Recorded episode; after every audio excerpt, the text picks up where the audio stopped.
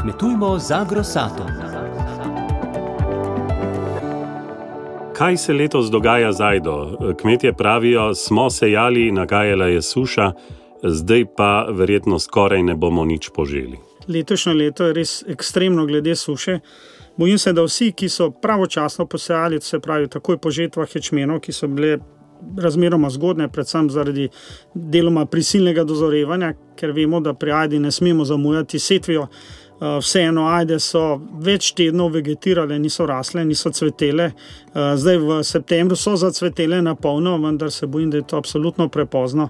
In uh, dodaten razlog za skrb, oziroma za, za bojazen, da ne bo pridelka, je pa seveda ta septembrski dež, ki je praktično poležal, ajde, vetrovi, neurja, ki so bile v zadnjem času, so jih, eh, so jih uh, poležale in se bojim, da, da je praktično ajda letos posajana samo za ozelenitve.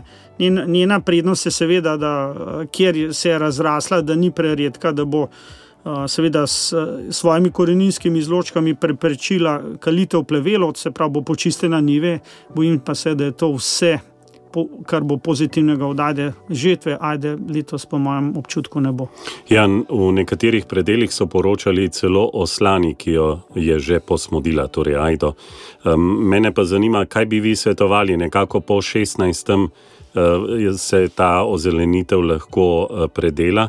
Nekateri bodo sejali še žita, če bo vreme dalo potem. Uh, kaj bi vi svetovali, torej zmulčiti, preorati? Če so, če so plugi dovolj dobri, gre tudi brez samega mulčanja. Uh, dober plug ima predplužnike, oziroma če je možno dovolj globoko ranje, seveda se da to ajdo, da ne rečemo, obrniti. Praviloma po ajdi od, odsvetujemo vse to žitke, kaj ti pretajdo je bilo praviloma žito, žito na žito, ni v kolobarju nikoli najboljše, vendar uh, v novembru oziroma po slanah, po mrazu, uh, spla se splača to zavrati in seveda površine pripraviti za spomladansko seto, če uh -huh. me vprašate. E, kaj pa tisto seme, ki morda bi se pojavilo, bo lahko drugo leto nagajalo? Če bo na določenih površinah, kjer je ajda, to se pravi odsvetela in zastavila nekaj pridelka, uh, to seme seveda ajda lahko zelo trdovraten plevel v naslednjem letu.